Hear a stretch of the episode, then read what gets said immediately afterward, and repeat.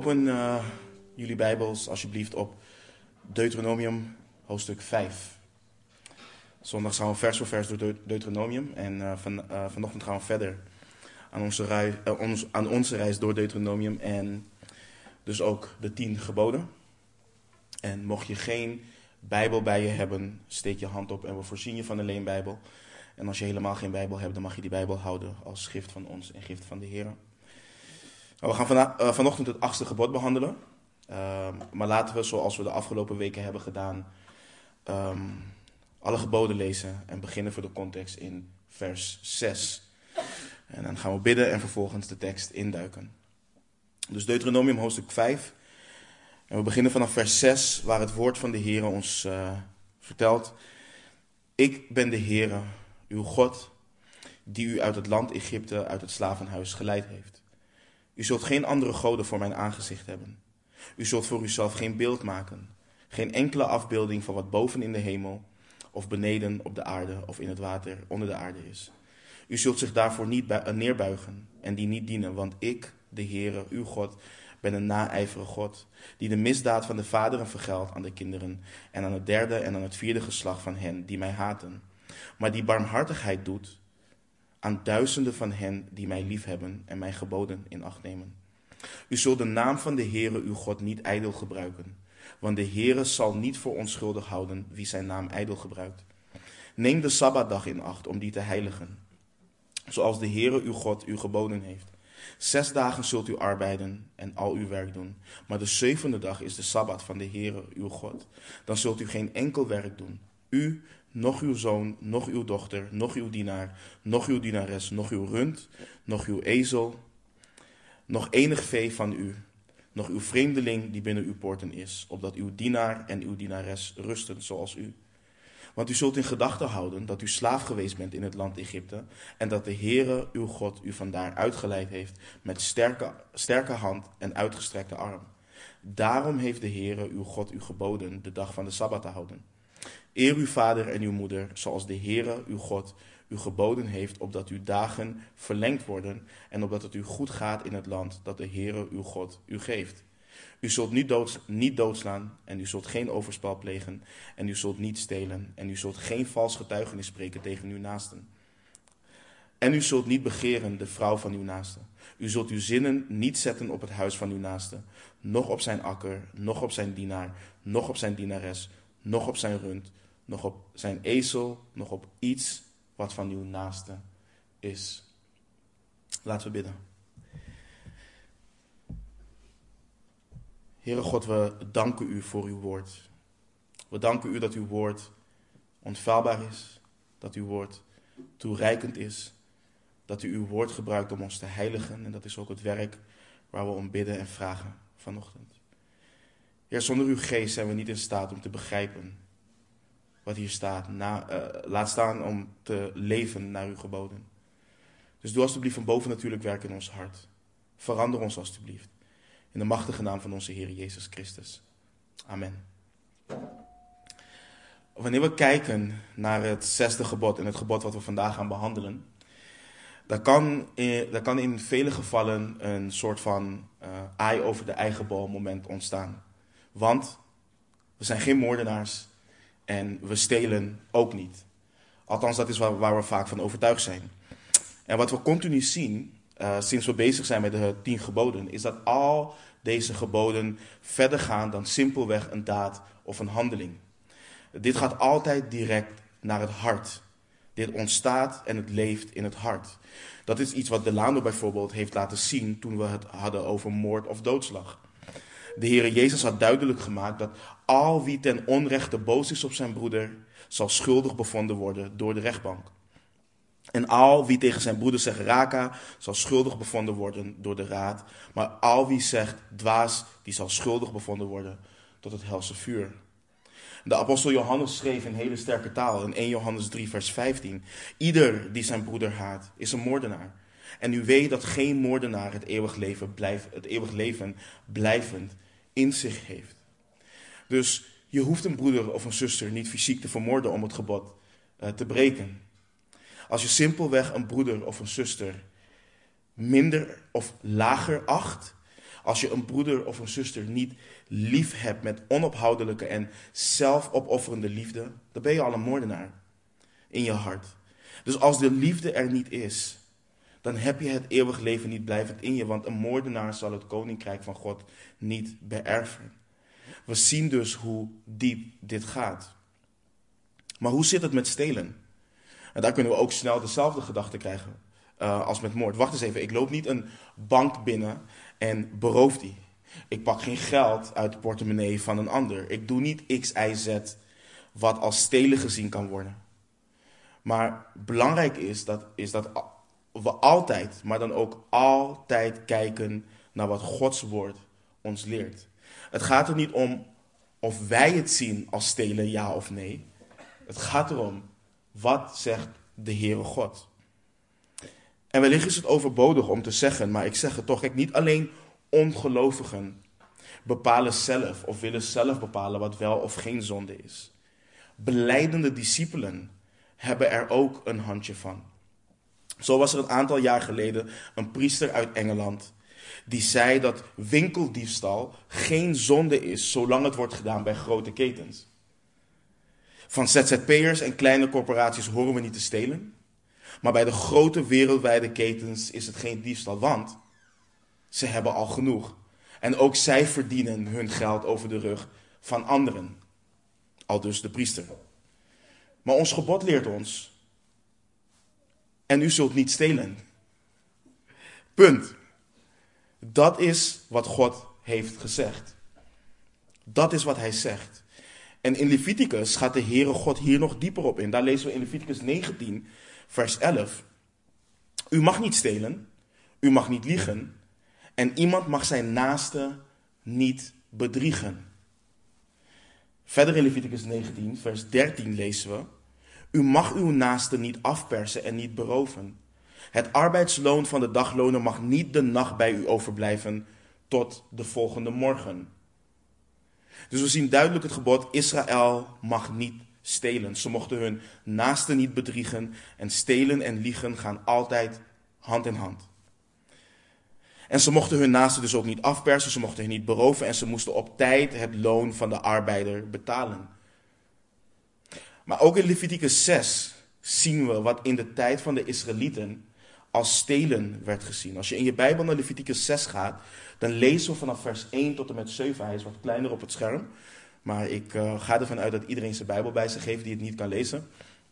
Uh, Leviticus 6 vanaf vers 1 lezen we. De Heere, let goed op.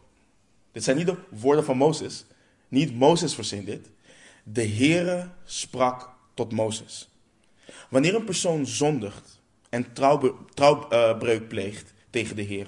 Doordat hij tegenover zijn naaste ontkent dat hem iets in bewaring gegeven of ter hand gesteld is, of dat hij iets geroofd heeft of zijn naaste iets met geweld afgeperst heeft, of een verloren voorwerp gevonden heeft en hij ontkent dat en legt een valse eed af over één ding van alles wat een mens kan doen om zich daarmee te bezondigen, dan moet het zo zijn, omdat hij gezondigd heeft en schuldig bevonden is, dat hij het geroofde, dat hij weggeroofde, terugbrengt of het afgeperste dat hij met geweld afhandig maakte, of het in bewaring gegevene dat hem in bewaring gegeven was, of het verloren voorwerp dat hij gevonden had, of alles waarover hij een valse eed afgelegd heeft, daarvan moet hij de volle waarde vergoeden en er nog een vijfde deel aan toevoegen.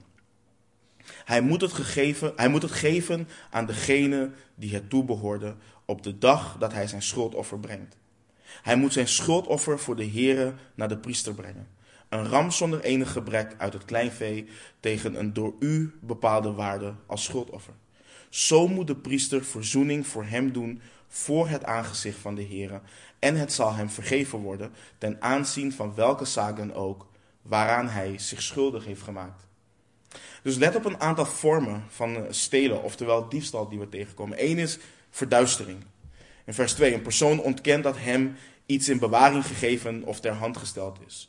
Dus iemand vertrouwt je iets toe, je houdt het voor jezelf, je geeft het niet meer terug en je ontkent dat het je ooit gegeven is. Nou, fraude is bijvoorbeeld ook een vorm van verduistering. En verduistering is een enorme eh, schending van iemands vertrouwen, want iemand vertrouwt je iets toe. Iemand geeft je iets om dat in bewaring te houden. Iemand vertrouwt erop dat hetgeen wat de ander toebehoort um, zal geven aan die persoon, maar je eigent het jezelf toe. Een andere vorm wat we zien van stelen in vers 2 is roof, ook wel plunderen.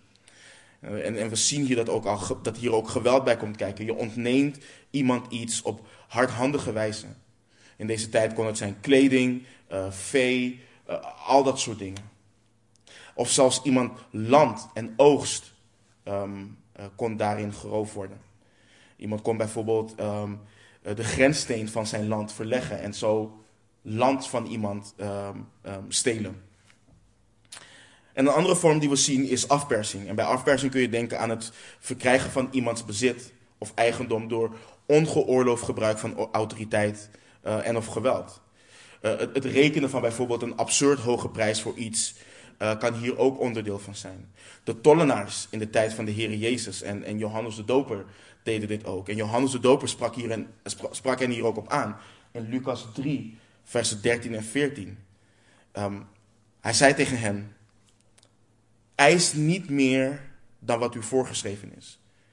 En ook de soldaten vroegen aan hem: En wij, wat moeten wij doen? Hij zei tegen hen: Val niemand lastig, pers niemand af en wees tevreden met uw soldij. En wanneer we goed kijken naar al deze dingen, dan krijgen we een goede definitie van wat stelen daadwerkelijk is. En, en stelen is simpelweg iets wat jou niet toebehoort, uh, je onrechtmatig toe-eigenen. Dus iets wat niet van jou is, dat pak je af van een ander en hou je voor jezelf. En we moeten onszelf de vraag stellen. Een belangrijke vraag. Waarom is stelen fout? Wat maakt stelen verkeerd? Wat maakt het een, een, een zonde? En we kunnen allerlei redenen opnoemen. We kunnen zeggen dat het het slachtoffer pijn doet die hard voor zijn of haar spullen heeft gewerkt. We kunnen zeggen dat het invloed heeft op de economie als het gaat om winkeldiefstal en al dat soort dingen. En al deze dingen zijn waar. Maar de reden waarom stelen een zonde is, de reden dat het verkeerd is, is omdat God zegt dat het een zonde is. Wij als mensen moeten niet de fout maken, en dat zien we heel veel in de wereld, en denken en handelen uit hoogmoed. Door te zeggen dat we moreel, uh, moreel gezien goed genoeg zijn om te erkennen dat stelen altijd fout is. Dat moorden altijd fout is en noem maar op. Nee, de reden dat stelen overal ter wereld fout is, komt omdat de schepper, de koning, de eigenaar, de heerser van dit universum heeft gezegd dat het zonde is. En omdat we het allemaal eens zijn met het feit dat stelen een zonde is, bewijzen we daarmee dat het werk van Gods wet geschreven is op ons hart. Ons geweten getuigt hiervan. En dus los, los van het feit dat we zondigen tegen elkaar als mensen, laat diefstal, net als al de andere geboden zien, hoe diep we gevallen zijn als wezens en hoe groot onze noden is voor verlossing. Het laat zien dat we niets anders doen dan rebelleren tegen Hem die ons gemaakt heeft. Dat ons hart van nature neigt naar het kwade. En dat zoals de apostel Paulus schrijft in Romeinen 7, dat er niets goeds leeft in ons vlees. En een andere reden dat stelen ook een zonde is, waar we ons niet schuldig aan moeten maken, lezen we in Spreuken 30 vanaf vers 7 tot en met 9. Dan lezen we: Twee dingen heb ik van u gevraagd. Onthoud ze niet, onthoud ze mij niet, voordat ik sterf. Houd valsheid en leugentaal ver van mij. En geef mij geen armoede of rijkdom. Voorzie mij van het, van het mij toegewezen deel aan brood. Anders zou ik, verzadigd, u verlogenen en zeggen: Wie is de Heer? Of anders zou ik, arm geworden, stelen en let op, en de naam van mijn God aantasten. Stelen, diefstal, tast de naam van de Heere God aan. Het lastert zijn naam. Door te stelen en te beleiden dat we kinderen van de Heere God zijn, zeggen we dat de Heere God stelen geen zonde vindt en daarmee ook dat de Heere God geen waarde hecht aan eerlijkheid. Dat de Heere God geen waarde hecht aan betrouwbaarheid. Door te stelen zouden we Gods naam aantasten door hem een leugenaar te maken en te zeggen dat zijn geboden er niet toe doen dat hij verandert. Want laten we denken aan het feit dat toen de Heer Jezus werd verzocht door de wetgeleerden. En dat hij zei dat aan de twee grote geboden de hele wet en de profeten hangt. En wat is het tweede grote gebod? U zult uw naaste lief hebben als uzelf. Is het liefde wanneer we stelen van onze naaste? Is dat de liefde waar de God van Abraham, Isaac en Jacob het over heeft? En zoals de apostel Paulus vaak zegt, volstrekt niet. We zijn heel snel geneigd om te zeggen dat God liefde is en dat Hij wil dat mensen elkaar lief hebben. Maar als zijn kinderen stelen, tasten ze de naam van de Heere God aan door de ware betekenis van het feit dat God liefde is en we elkaar moeten lief hebben uit haar verband te trekken. Toen we in de serie Bijbelse Liefde zaten, hadden we het over dat de liefde die God geeft en waar wij ook toe geroepen worden, altijd het hoogste goed van de ontvanger zoekt. En Paulus schrijft in 1 Korinthe 13, vers 5 dat de liefde niet ongepast handelt en niet haar eigen belang zoekt. Terwijl iemand die stilt dat wel altijd doet. Die stilt iets omdat hij of zij het heel graag zelf wilt hebben. Hij of zij vindt dat hij of zij recht heeft op hetgeen wat ze zichzelf toe-eigenen. En dat is ook gelijk een van onze grootste problemen, vooral hier in het Westen. Wij vinden in het Westen dat wij overal recht op hebben. Wij zijn mensen hier in het Westen van ons recht, het recht. Ik vind dat ik dit mag omdat. Maar is dit het hart van onze Heer Jezus Christus, moeten we onszelf afvragen. Is dat echt hoe wij horen te denken en te handelen als discipelen van onze Heer Jezus Christus? Want door de schrift heen zie je dat de Heere God wilt dat de eigendommen van anderen gerespecteerd worden. En ik geloof dat de reden is, omdat dat de reden van daarvan is, is omdat God degene is die geeft. We hebben gezien hoe we, uh, toen we aan onze reis begonnen door Deuteronomium, hoe het volk Israël door het land van hun broeders heen ging. En de Heere God zei tegen hen in Deuteronomium 2 vers 5, Ga niet de strijd met hen aan, want ik zal u van hun land nog geen voetbreed geven. Ik heb het Seirgebergte immers aan Esau, gegeven, Esau in bezit gegeven. De Heere God heeft hun dit land gegeven en Israël zou dit moeten respecteren. Israël zou hier niets van mogen krijgen.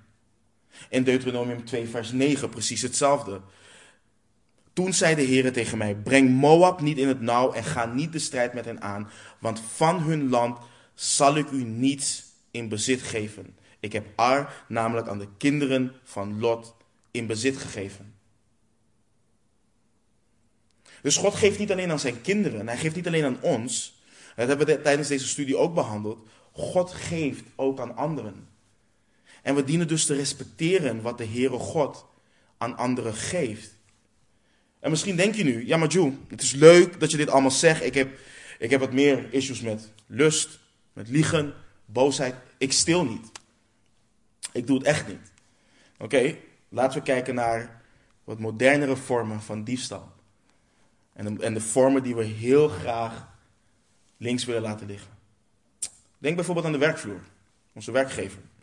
Een van de manieren en de plekken waar de meeste vorm van dief, diefstal plaatsvindt tegenwoordig is op de werkvloer. Denk aan het stelen van tijd van je werkgever.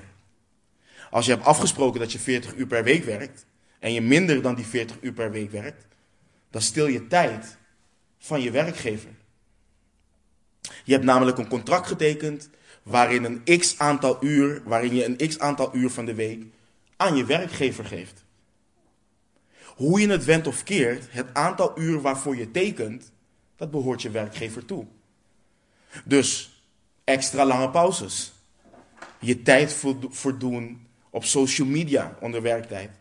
Of eentje waar ik mezelf enorm schuldig aan heb gemaakt. Lange privégesprekken onder werktijd aan de telefoon of via WhatsApp. Lieve broeders en zusters, dat is stelen. Dat is stelen van de werkgever. Wij als discipelen van de Heere Jezus horen de meest betrouwbare en eerlijke werknemers te zijn die onze werkgever in dienst heeft. En we komen niet weg, want deze excuses hebben we vaak, hoor ik vaak. We komen niet weg met de excuus, ja maar je weet niet hoe zwaar mijn werk is. Je weet niet hoe onredelijk mijn werkgever is. Mijn werkgever komt zijn afspraken niet na, dus ik ook niet. We komen niet weg met die excuses. Onze ja dient onze ja te zijn. De zonde van een ander hoort niet te rechtvaardigen waarom wij zondigen. Op de werkvloer wordt ook op een andere manier best veel gestolen. Ook door beleidende discipelen. Als we kijken naar de definitie, stelen is iets wat jou niet toebehoort, je onrechtmatig toe-eigenen. Dus iets wat niet van jou is, dat pak je af. Hoe vaak wordt er niet gebruik gemaakt van de printer? Of andere middelen op de werkvloer voor privédoeleinden, terwijl dit niet is toegestaan? Kijk, tenzij je werkgever hier toestemming voor heeft gegeven, prijs de Heer. Maar als dat niet zo is, dan is het gewoon diefstal. Dan is het stelen. Die ene envelop meenemen, die ene pen meenemen, dat ene ding meenemen. Want de werkgever is toch rijk en heeft er toch genoeg van. Het is stelen. Dat is het gebod verbreken en zondigen tegen de Heere God. We hadden het net over verduisteren, over fraude. Hoe eerlijk zijn we als het gaat om onze belastingaangifte? Vullen we alles eerlijk in of zoeken we de grenzen op zodat het allemaal in ons eigen voordeel uitvalt? Als we de staat namelijk geld schuldig zijn en we ons best doen om daaronder uit te komen, dan stelen we van de staat. En we komen er niet mee weg door te zeggen: ja, maar het, het leven is al duur genoeg. Of de staat steelt ook van mij en ook van anderen. Kijk, we, we zijn geen Robin Hood. Nogmaals, de zonde van een ander keurt onze zonde niet goed. En in de tijd van de Heer Jezus was Rome ook niet eerlijk. En toch zegt hij in Marcus 12, vers 17: Geef dan aan de keizer wat van de keizer is, en aan God wat van God is. En zij verwonderden zich over hem. De apostel Paulus schreef in Romeinen 13, vers 7. Geef dus aan allen wat u verschuldigd bent. Belasting aan wie belasting? Tol aan wie tol? Ontzag aan wie ontzag? Eer aan wie eer toekomt. Dus dit gebod komt neer op liefde en eerlijkheid. En zoals ik al eerder zei, betrouwbaarheid. En zijn wij als discipelen van de Heer Jezus Christus eerlijk, betrouwbaar in alles? Zijn we eerlijk en betrouwbaar richting onze werkgever? Zijn we eerlijk en betrouwbaar richting de staat, richting onze naasten? Of denken we continu aan onszelf? Denken we continu aan hoe we voordeel ergens uit kunnen halen ten koste van anderen? Bij verduisteren hoort ook het kopen van spullen die verduisterd zijn. Deeltjes kopen die ten koste gaan van anderen die ene mooie outfit of die ene gadget die van de vrachtwagen is gevallen. Ja, maar ik, ik, ik betaal er toch gewoon voor. Of een deal scoren bij een goede vriend, familielid of kennis op zijn of haar werk zonder toestemming van zijn of haar werkgever. We moeten ons hart echt hierin toetsen. De apostel Paulus schreef in 1 Korinthe 10, vers 12.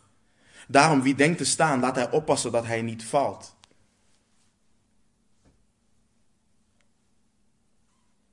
En voordat we gaan kijken naar hetgeen waartoe we wel worden opgeroepen, want we worden geboden om niet te stelen, maar in het verbod zit ook een implicatie van wat we wel horen te doen als discipelen.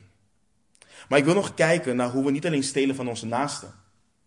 Ik wil ook met jullie kijken naar hoe we stelen van de Heere God.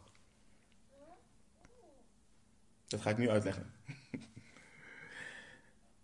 Er is één ding wat we goed moeten begrijpen. Alles wat we hebben, hebben we van de Heere God. In 1 Korinthe 4 schrijft de apostel Paulus aan de Corinthiërs: En wat hebt u dat u niet hebt ontvangen? En als u het ook ontvangen hebt, waarom roemt u alsof u het niet ontvangen had? Jacobus schrijft in Jacobus 1, vers 17: Elke goede gave en elk volmaakt geschenk is van boven en daalt neer van de Vader der lichten, bij wie er geen verandering is of schaduw van omkeer. Alles wat we hebben is van de Heer. Alles is überhaupt van de Heer. De psalmist schrijft in Psalm 24, vers 1. De aarde is van de Heer en al wat zij bevat. De wereld en wie er wonen. Nu in het bijzonder aan ieder wedergeboren discipel hier. Jij bent niet van jezelf. Paulus schrijft ook weer aan de Corinthiërs in 1 Corinthië 6, vers 19 en 20. Of weet u niet dat uw lichaam een tempel is van de Heilige Geest, die in u is en die u van God hebt ontvangen, en dat u niet van uzelf bent? Waarom? Want u bent immers duur gekocht. Verheerlijk daarom God in uw lichaam en in uw geest, die van God zijn. Dus we zijn niet van onszelf, we zijn gekocht, duur gekocht, met het kostbare bloed van het lam. Gekocht met het bloed van de Zoon van God. Dat zien we heel vaak, bijvoorbeeld wat de apostel Paulus schrijft. Een slaaf van de Heer Jezus Christus, een dienstknecht van de Heer Jezus Christus. We zijn slaven nu. In het Grieks doulos. Alles wat wij doen, dienen wij te doen tot eer en glorie van God. Verheerlijk God in uw lichaam en in uw geest, die van God zijn. Dat is wat de apostel schrijft. Nu, als we niet van onszelf zijn, is onze tijd dan ook niet, niet van onszelf. Behoort de tijd die we hebben ook niet God toe? In Handelingen 17 in Athene spreekt de apostel Paulus en dan zegt hij ook dat God van tevoren de toegemeten tijden van de mens heeft bepaald. Horen we God dan ook niet te verheerlijken met de tijd die we hebben? Aan de Efeziërs wordt in Efeze 5, versen 5 en 16 het volgende geschreven. Let er dan op dat u nauwgezet wandelt. Niet als dwazen, maar als wijzen. En buit de geschikte tijd uit, omdat de dagen vol kwaad zijn.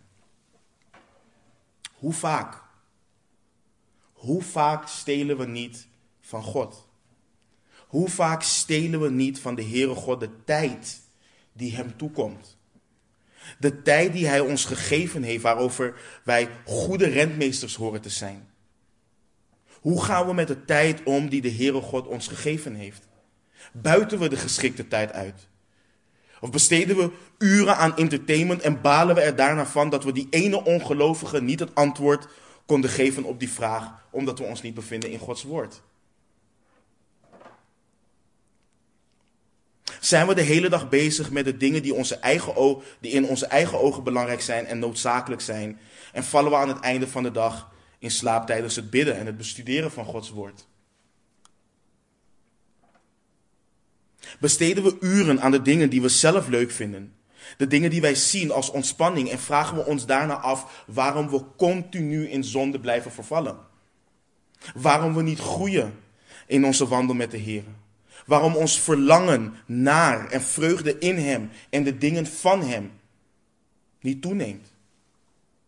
En de reden hiervan is vaak omdat we tijd stelen van de Heere God. We zijn ongehoorzaam aan de oproep om het woord van Christus in rijke mate te laten wonen in ons. We zijn ongehoorzaam aan het vurig verlangen naar de zuivere melk van het woord. En in plaats van gehoor te geven aan die dingen, roven we de tijd die God ons heeft gegeven om onszelf op een vleeselijke wijze te kunnen behagen. Paulus schreef aan de Corinthiërs: Doe alles tot eer van God aan de Colossense. Alles wat u doet met woorden of met daden, doe dat alles in de naam van de Heer Jezus, terwijl u God en de Vader dankt door Hem. Nu, broeders en zusters, in onze tijd, uren naar video's op YouTube kijken, uren kijken naar filmpjes op Netflix, Instagram, TikTok en soort dingen. Uren de krant lezen of wat je dan ook ziet als vrije tijd is niet tot eer en glorie van de Heere God.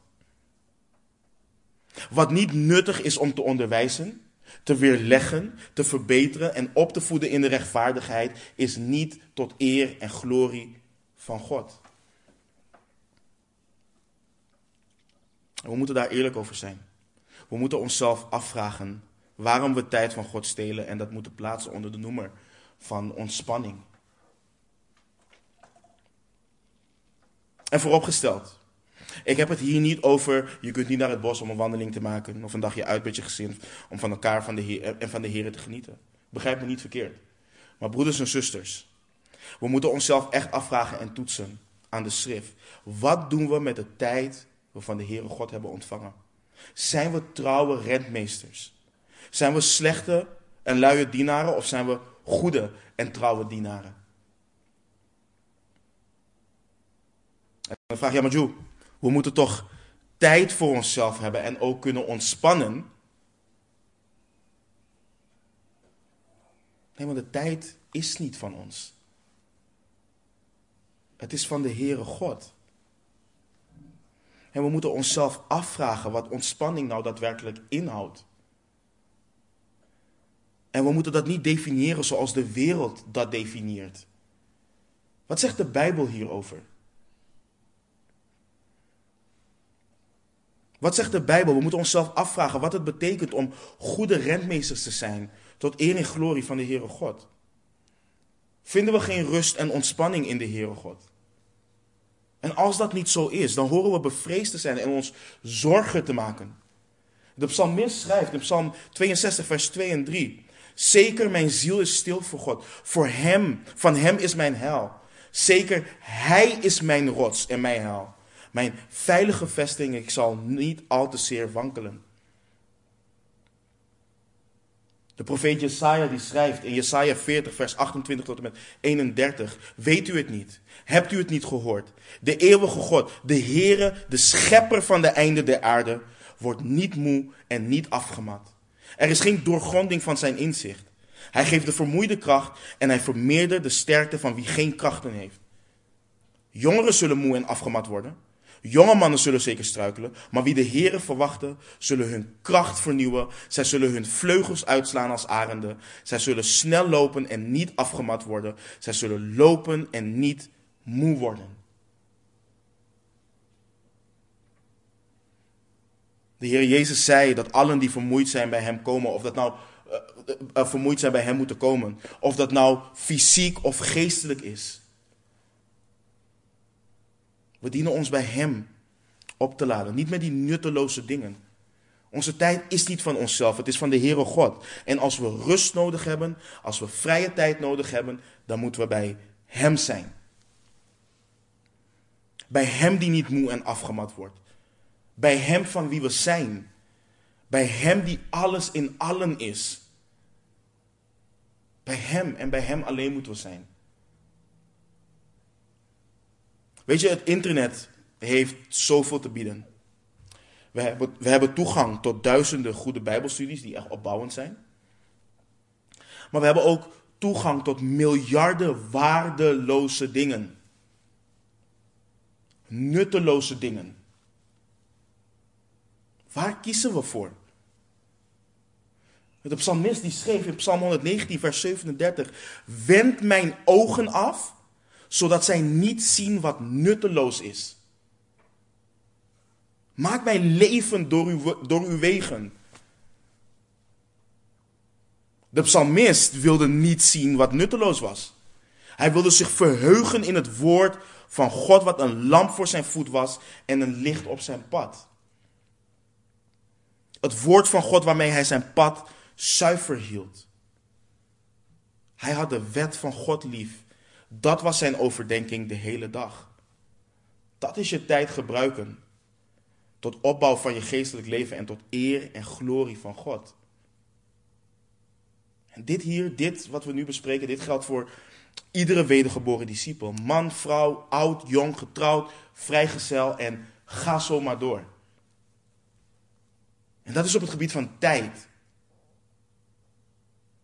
Maar hoe stelen we ook van God door ongehoorzaam te zijn in de dingen waartoe Hij ons heeft opgeroepen? En hoe stelen we ook weer van onze broeders en zusters, onze naasten, door niet gehoor te geven aan hetgeen waartoe God ons heeft geroepen? Getrouwde mannen, die dienen hun vrouwen schoon te wassen met het waterbad van het woord.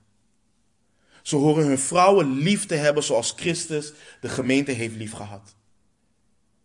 Het vergt tijd met onze partners. En wanneer we ongehoorzaam zijn hieraan, wanneer we onze tijd, wanneer onze tijd naar andere dingen toe gaat in plaats van het vervullen hiervan, dan beroven we onze vrouw van hetgeen wat God haar wilt geven. En dan beroven we God niet alleen van zijn tijd, maar ook van zijn glorie. Want God wordt verheerlijkt wanneer mannen hier gehoor aan geven. Christus wordt verheerlijkt wanneer het huwelijk tot uiting komt, zoals het bedoeld is door de Heere God. En hetzelfde geldt ook voor ons als ouders. We dienen onze kinderen op te voeden in de onderwijzing en terechtwijzing van de Heer. Besteden we de tijd die we van de Heer hebben gekregen om dit te doen? Of beroven we onze kinderen van de zegen van Gods woord? Van de zegen om te groeien in de vrezen des Heren? En beroven we de Heere God ook hier weer van zijn tijd en glorie die Hij ons gegeven heeft? En hoe zit het met het liefhebben van elkaar als broeders en zusters? De Heere Jezus heeft gezegd dat we elkaar dienen lief te hebben zoals Hij ons heeft liefgehad. Daardoor zal de wereld zien dat wij zijn discipelen zijn. Is dat iets waarmee we actief bezig zijn of beroven we de Heer Jezus Christus ook hierin van zijn glorie? En beroven we elkaar als broeders en zusters ook hierin van de liefde die we elkaar verschuldigd zijn? Apostel Paulus schrijft in Romeinen 13, vers 8: Wees niemand iets schuldig dan elkaar lief te hebben. Want wie de ander lief heeft, heeft de wet vervuld.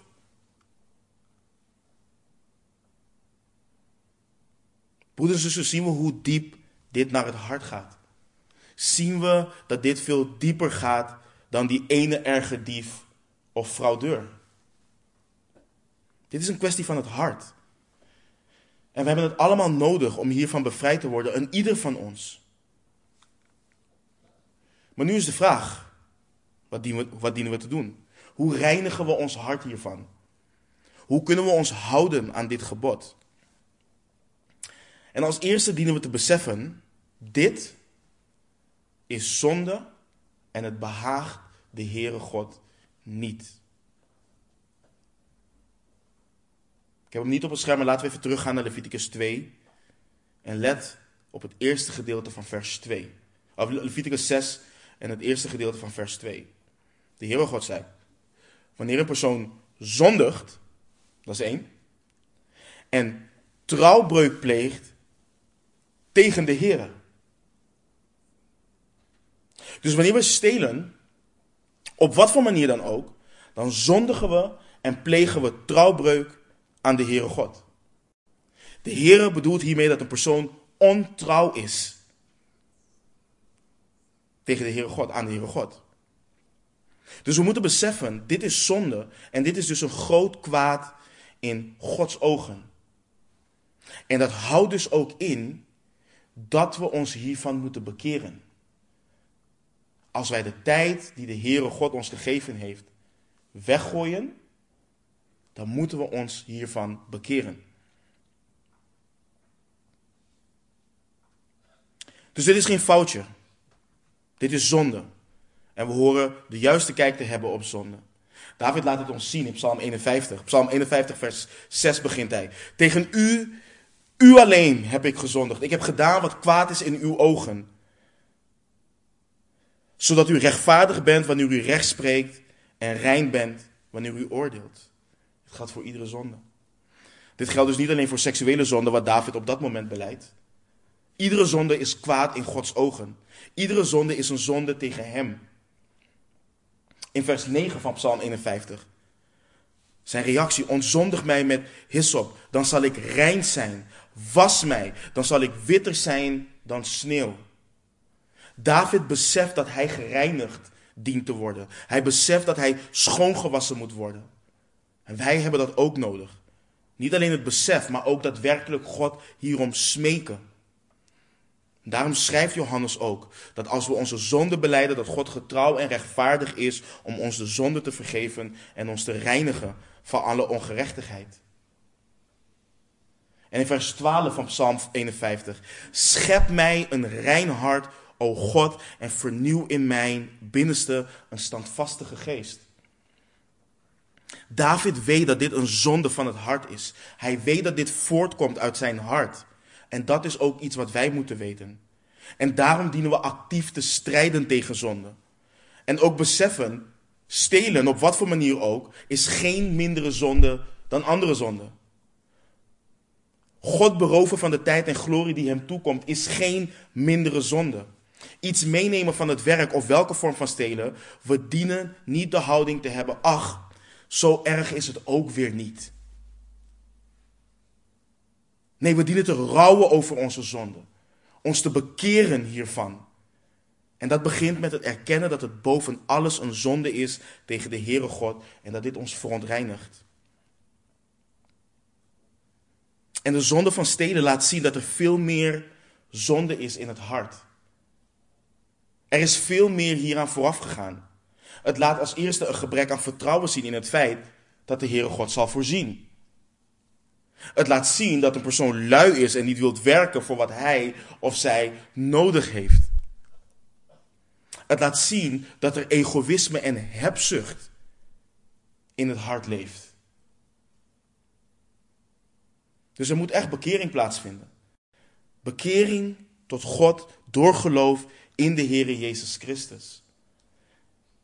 En broeders en zusters, begrijp me niet verkeerd, want men kan denken, ja, je bekijkt alles zo vanuit een religieuze bril. En niet iedereen is zo slecht zoals je dat tekent of, of, of doet voorkomen. Er zijn goede en eerlijke mensen op aarde. En in zekere zin heb je eerlijke mensen op aarde. En kunnen mensen die niet geloven in het evangelie stoppen met stelen. Maar los van het evangelie is dit simpelweg moralisme. En wat we moeten beseffen is dat niet ons moreel de realiteit is, maar dat God en wat Hij zegt de realiteit is. En velen die niet geloven, net zoals velen die beleiden, geloven te zijn, die, te, uh, die beleiden te geloven, zijn er trots op dat ze eerlijke mensen zijn.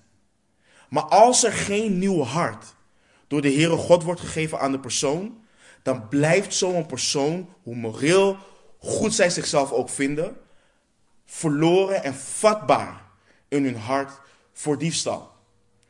Want wat zei de Heer Jezus Christus in Marcus 7 vanaf vers 20? Hij zei, wat uit de mens naar buiten komt, dat verontreinigt de mens.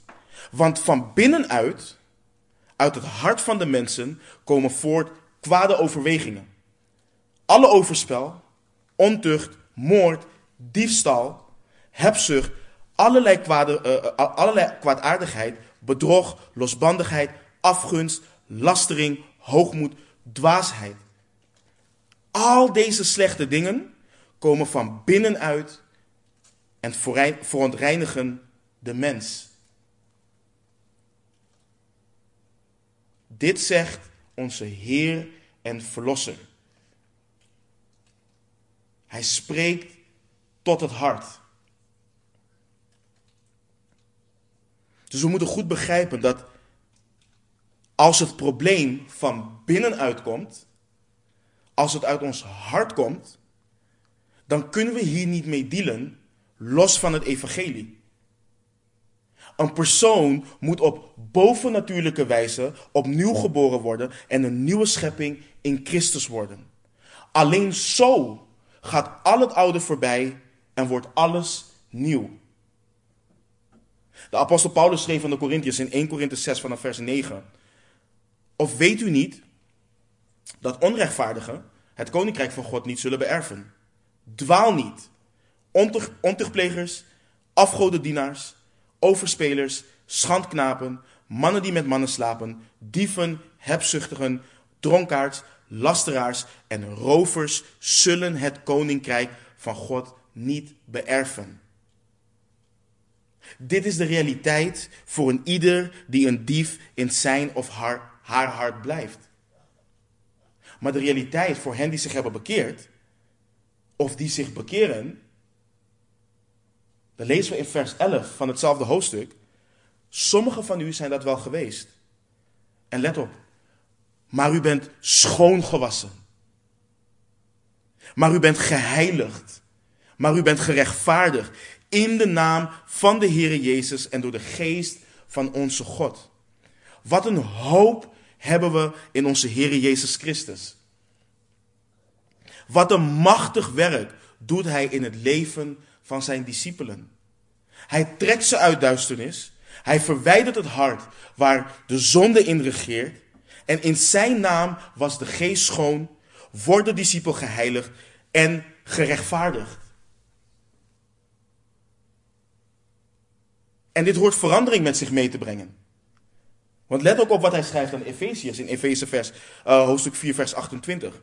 Wie gestolen heeft, moet niet meer stelen, maar zich liever inspannen om met de handen goed werk te doen, om iets te kunnen delen met wie gebrek heeft.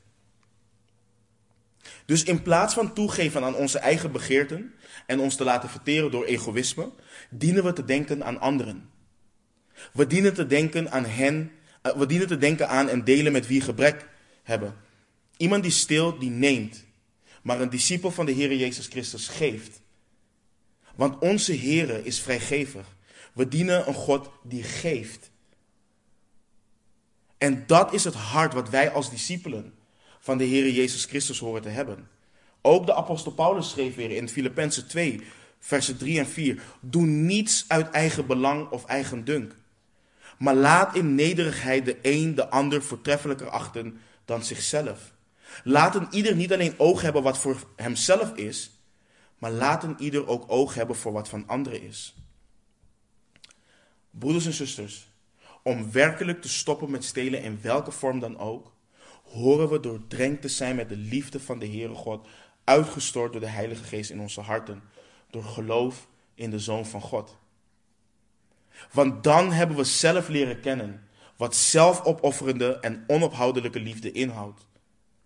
En nogmaals, dat gaat verder dan alleen niet stelen.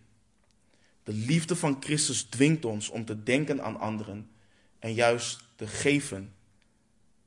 En dan gaan we niet eerst kijken, net zoals we bijvoorbeeld vinden dat de overheid ook van ons steelt in al dat soort dingen.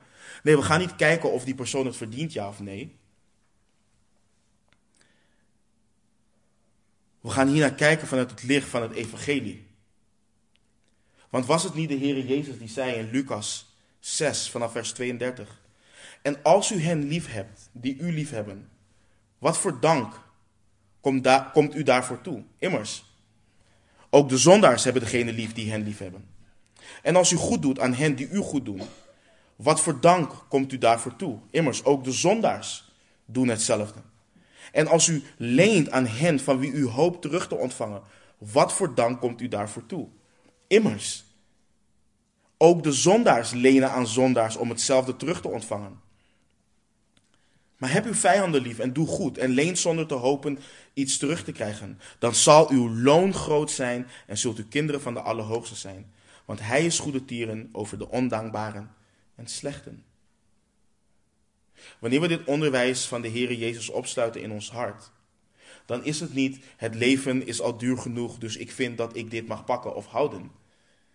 Dan is het niet de staat stilt al genoeg van mij, dus het is niet erg dat ik wat achterhoud als het gaat om mijn belastingaangifte of wat voor voorbeeld we ook bij hebben stilgestaan.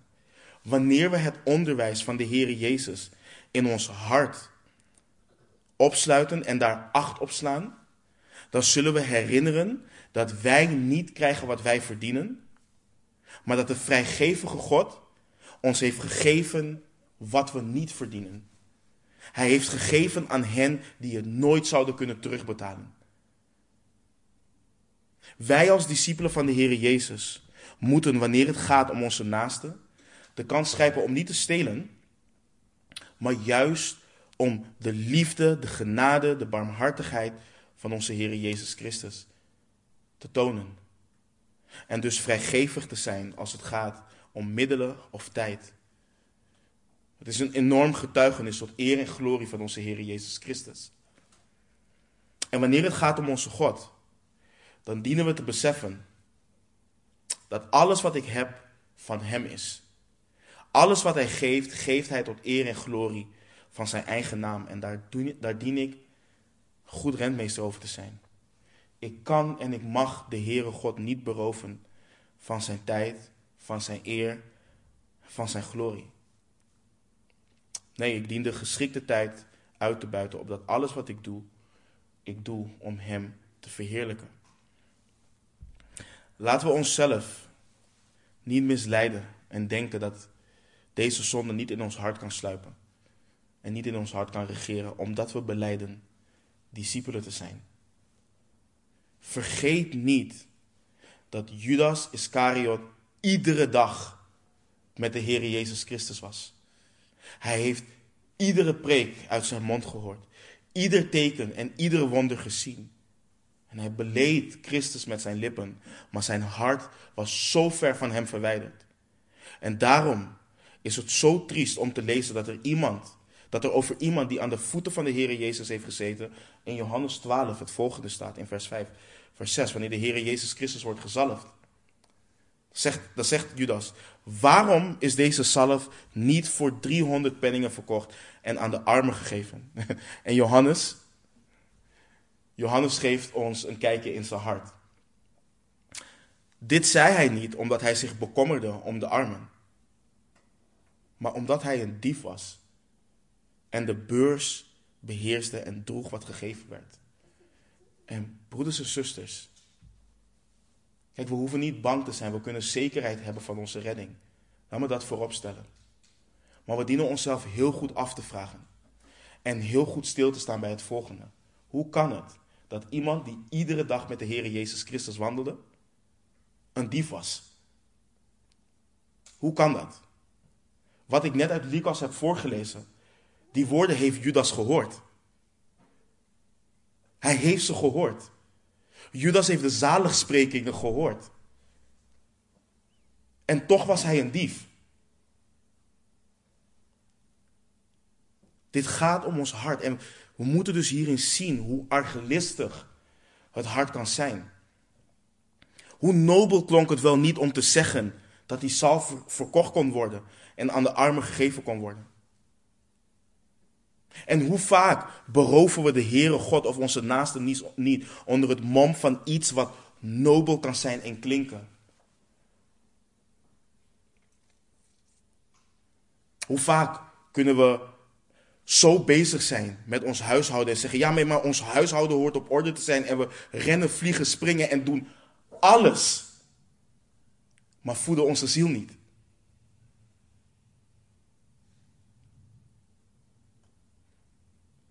Laten we blijven vasthouden aan het feit dat we leven voor de glorie van onze zaligmaker.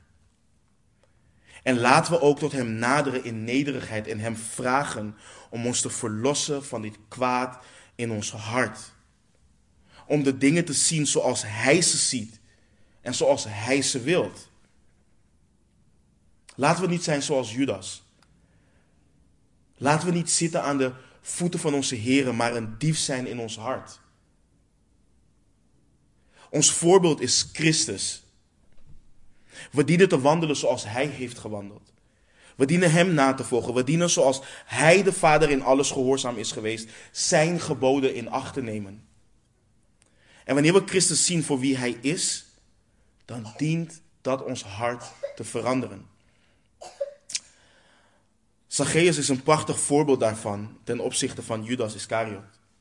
Want daar waar allen wisten dat Zacchaeus als tollenaar zich continu schuldig maakte aan het breken van dit gebod, en allen er wat van vonden dat de Heer Jezus met hem ging eten, lezen we zijn reactie op de ontmoeting met de Heer Jezus en dat de Heer Jezus bij hem kwam in Lucas 19, vers 8 tot en met 10. Zacchaeus nu ging staan en zei tegen de Heer, dit, dit, dit is zo prachtig. Zie, de helft van mijn goederen, heren, geef ik aan de armen. En als ik van iemand iets heb afgeperst, geef ik dat vierdubbel terug. En toen zei Jezus tegen hem: Heden is dit, huis, heden is dit huis zaligheid en deel gevallen. Omdat ook, deze, omdat ook deze een zoon van Abraham is. Want de zoon des mensen is gekomen om te zoeken en zalig te maken wat verloren is. De fariseeën en de sadduceeën vonden er wat van dat de Heer Jezus hier naar binnen ging. Oh, want hoe geweldig waren zij. Zij vasten. Zij gaven hun tiende. Maar zij waren degene die de ouderen beroofden. Door de mensen naar hun toe te laten komen en te zeggen: Ja, het is korban. Geef het maar aan de tempel. En laat je moeder en je vader maar verhongeren. Hoe religieus. Maar toch een dief. En deze tollenaar, die ontvangt de Heer Jezus Christus in zijn huis. En hij wordt getransformeerd door de goedheid van de Heer Jezus Christus. Want hij erkent wie en wat hij is in zijn hart. Dus laten we kijken naar Christus die de wet heeft vervuld. Kijk naar Hem van wie de Heilige Geest, van wie we de Heilige Geest ontvangen wanneer we in geloof tot Hem naderen. De Geest die het willen en het werken in ons doet. Nogmaals, dit gaat niet om moraliteit. Dit gaat om het hart. Dit raakt de kern. En de vraag is: heb ik het hart wat er naar verlangt om mijn verlosser in alles, maar dan ook in alles te verheerlijken? Laten we bidden. Heere God, komen in nederigheid. Naderen tot uw troon.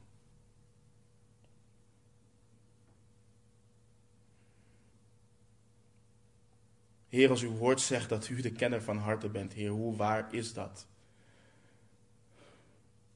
Want uw woord overtuigt ons van zonde. Uw woord overtuigt ons van wat er in ons hart leeft. Maar we zijn u zo dankbaar dat uw woord ons ook laat zien dat we hoop hebben. Dat er geen verdoemenis is voor hen die in Christus zijn. En dat wanneer u ons vermaant, wanneer u ons de waarheid toont, dat u dat doet omdat u ons lief hebt, Heer. Dat u wilt dat wij ons bekeren tot u. En ik draag mijn broeders en zusters aan u op, Heer. U weet wie u overtuigd hebt in zijn of haar hart. En ik bid dat u een bovennatuurlijk werk zal doen. En dat het allemaal tot eer en glorie van uw machtige naam zal zijn. Heer, in gehoorzaamheid aan u. Tot eer glorie van onze Heer Jezus Christus in de kracht van uw geest bidden we. Amen.